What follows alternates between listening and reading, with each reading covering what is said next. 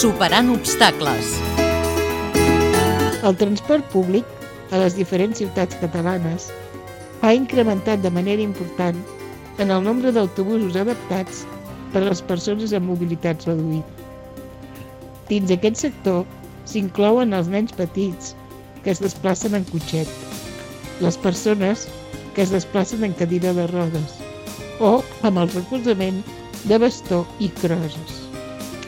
Per tenir una xifra orientativa dels usuaris del bus a l'àrea de Girona, amb més de 248.000 habitants, cal saber que en el 2008 més de 5 milions de ciutadans el va fer servir.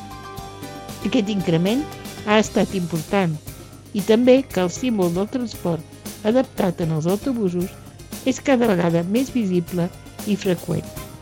Però no sempre correspon a la realitat. Que un autobús tingui aquesta identificació d'accessible no vol dir que el conductor que el porta sàpiga com utilitzar les estructures de plataforma integrades en alguns d'ells. El concepte d'alguns xofers que tenen de transport adaptat suposa només que la porta d'entrada és suficientment ampla com per passar sense dificultat. Tot i així, aquesta entrada ampla pot tenir entre 3 i 4 graons d'uns 30 centímetres d'alçada cada un.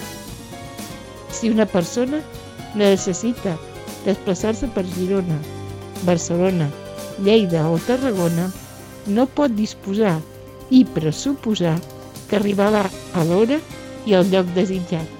Pot ser que els seus diferents busos que trobin el trajecte no siguin accessibles, tot i portar la identificació.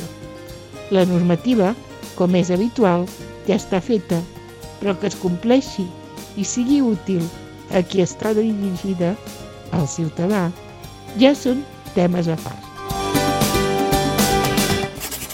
Montse Pous, periodista.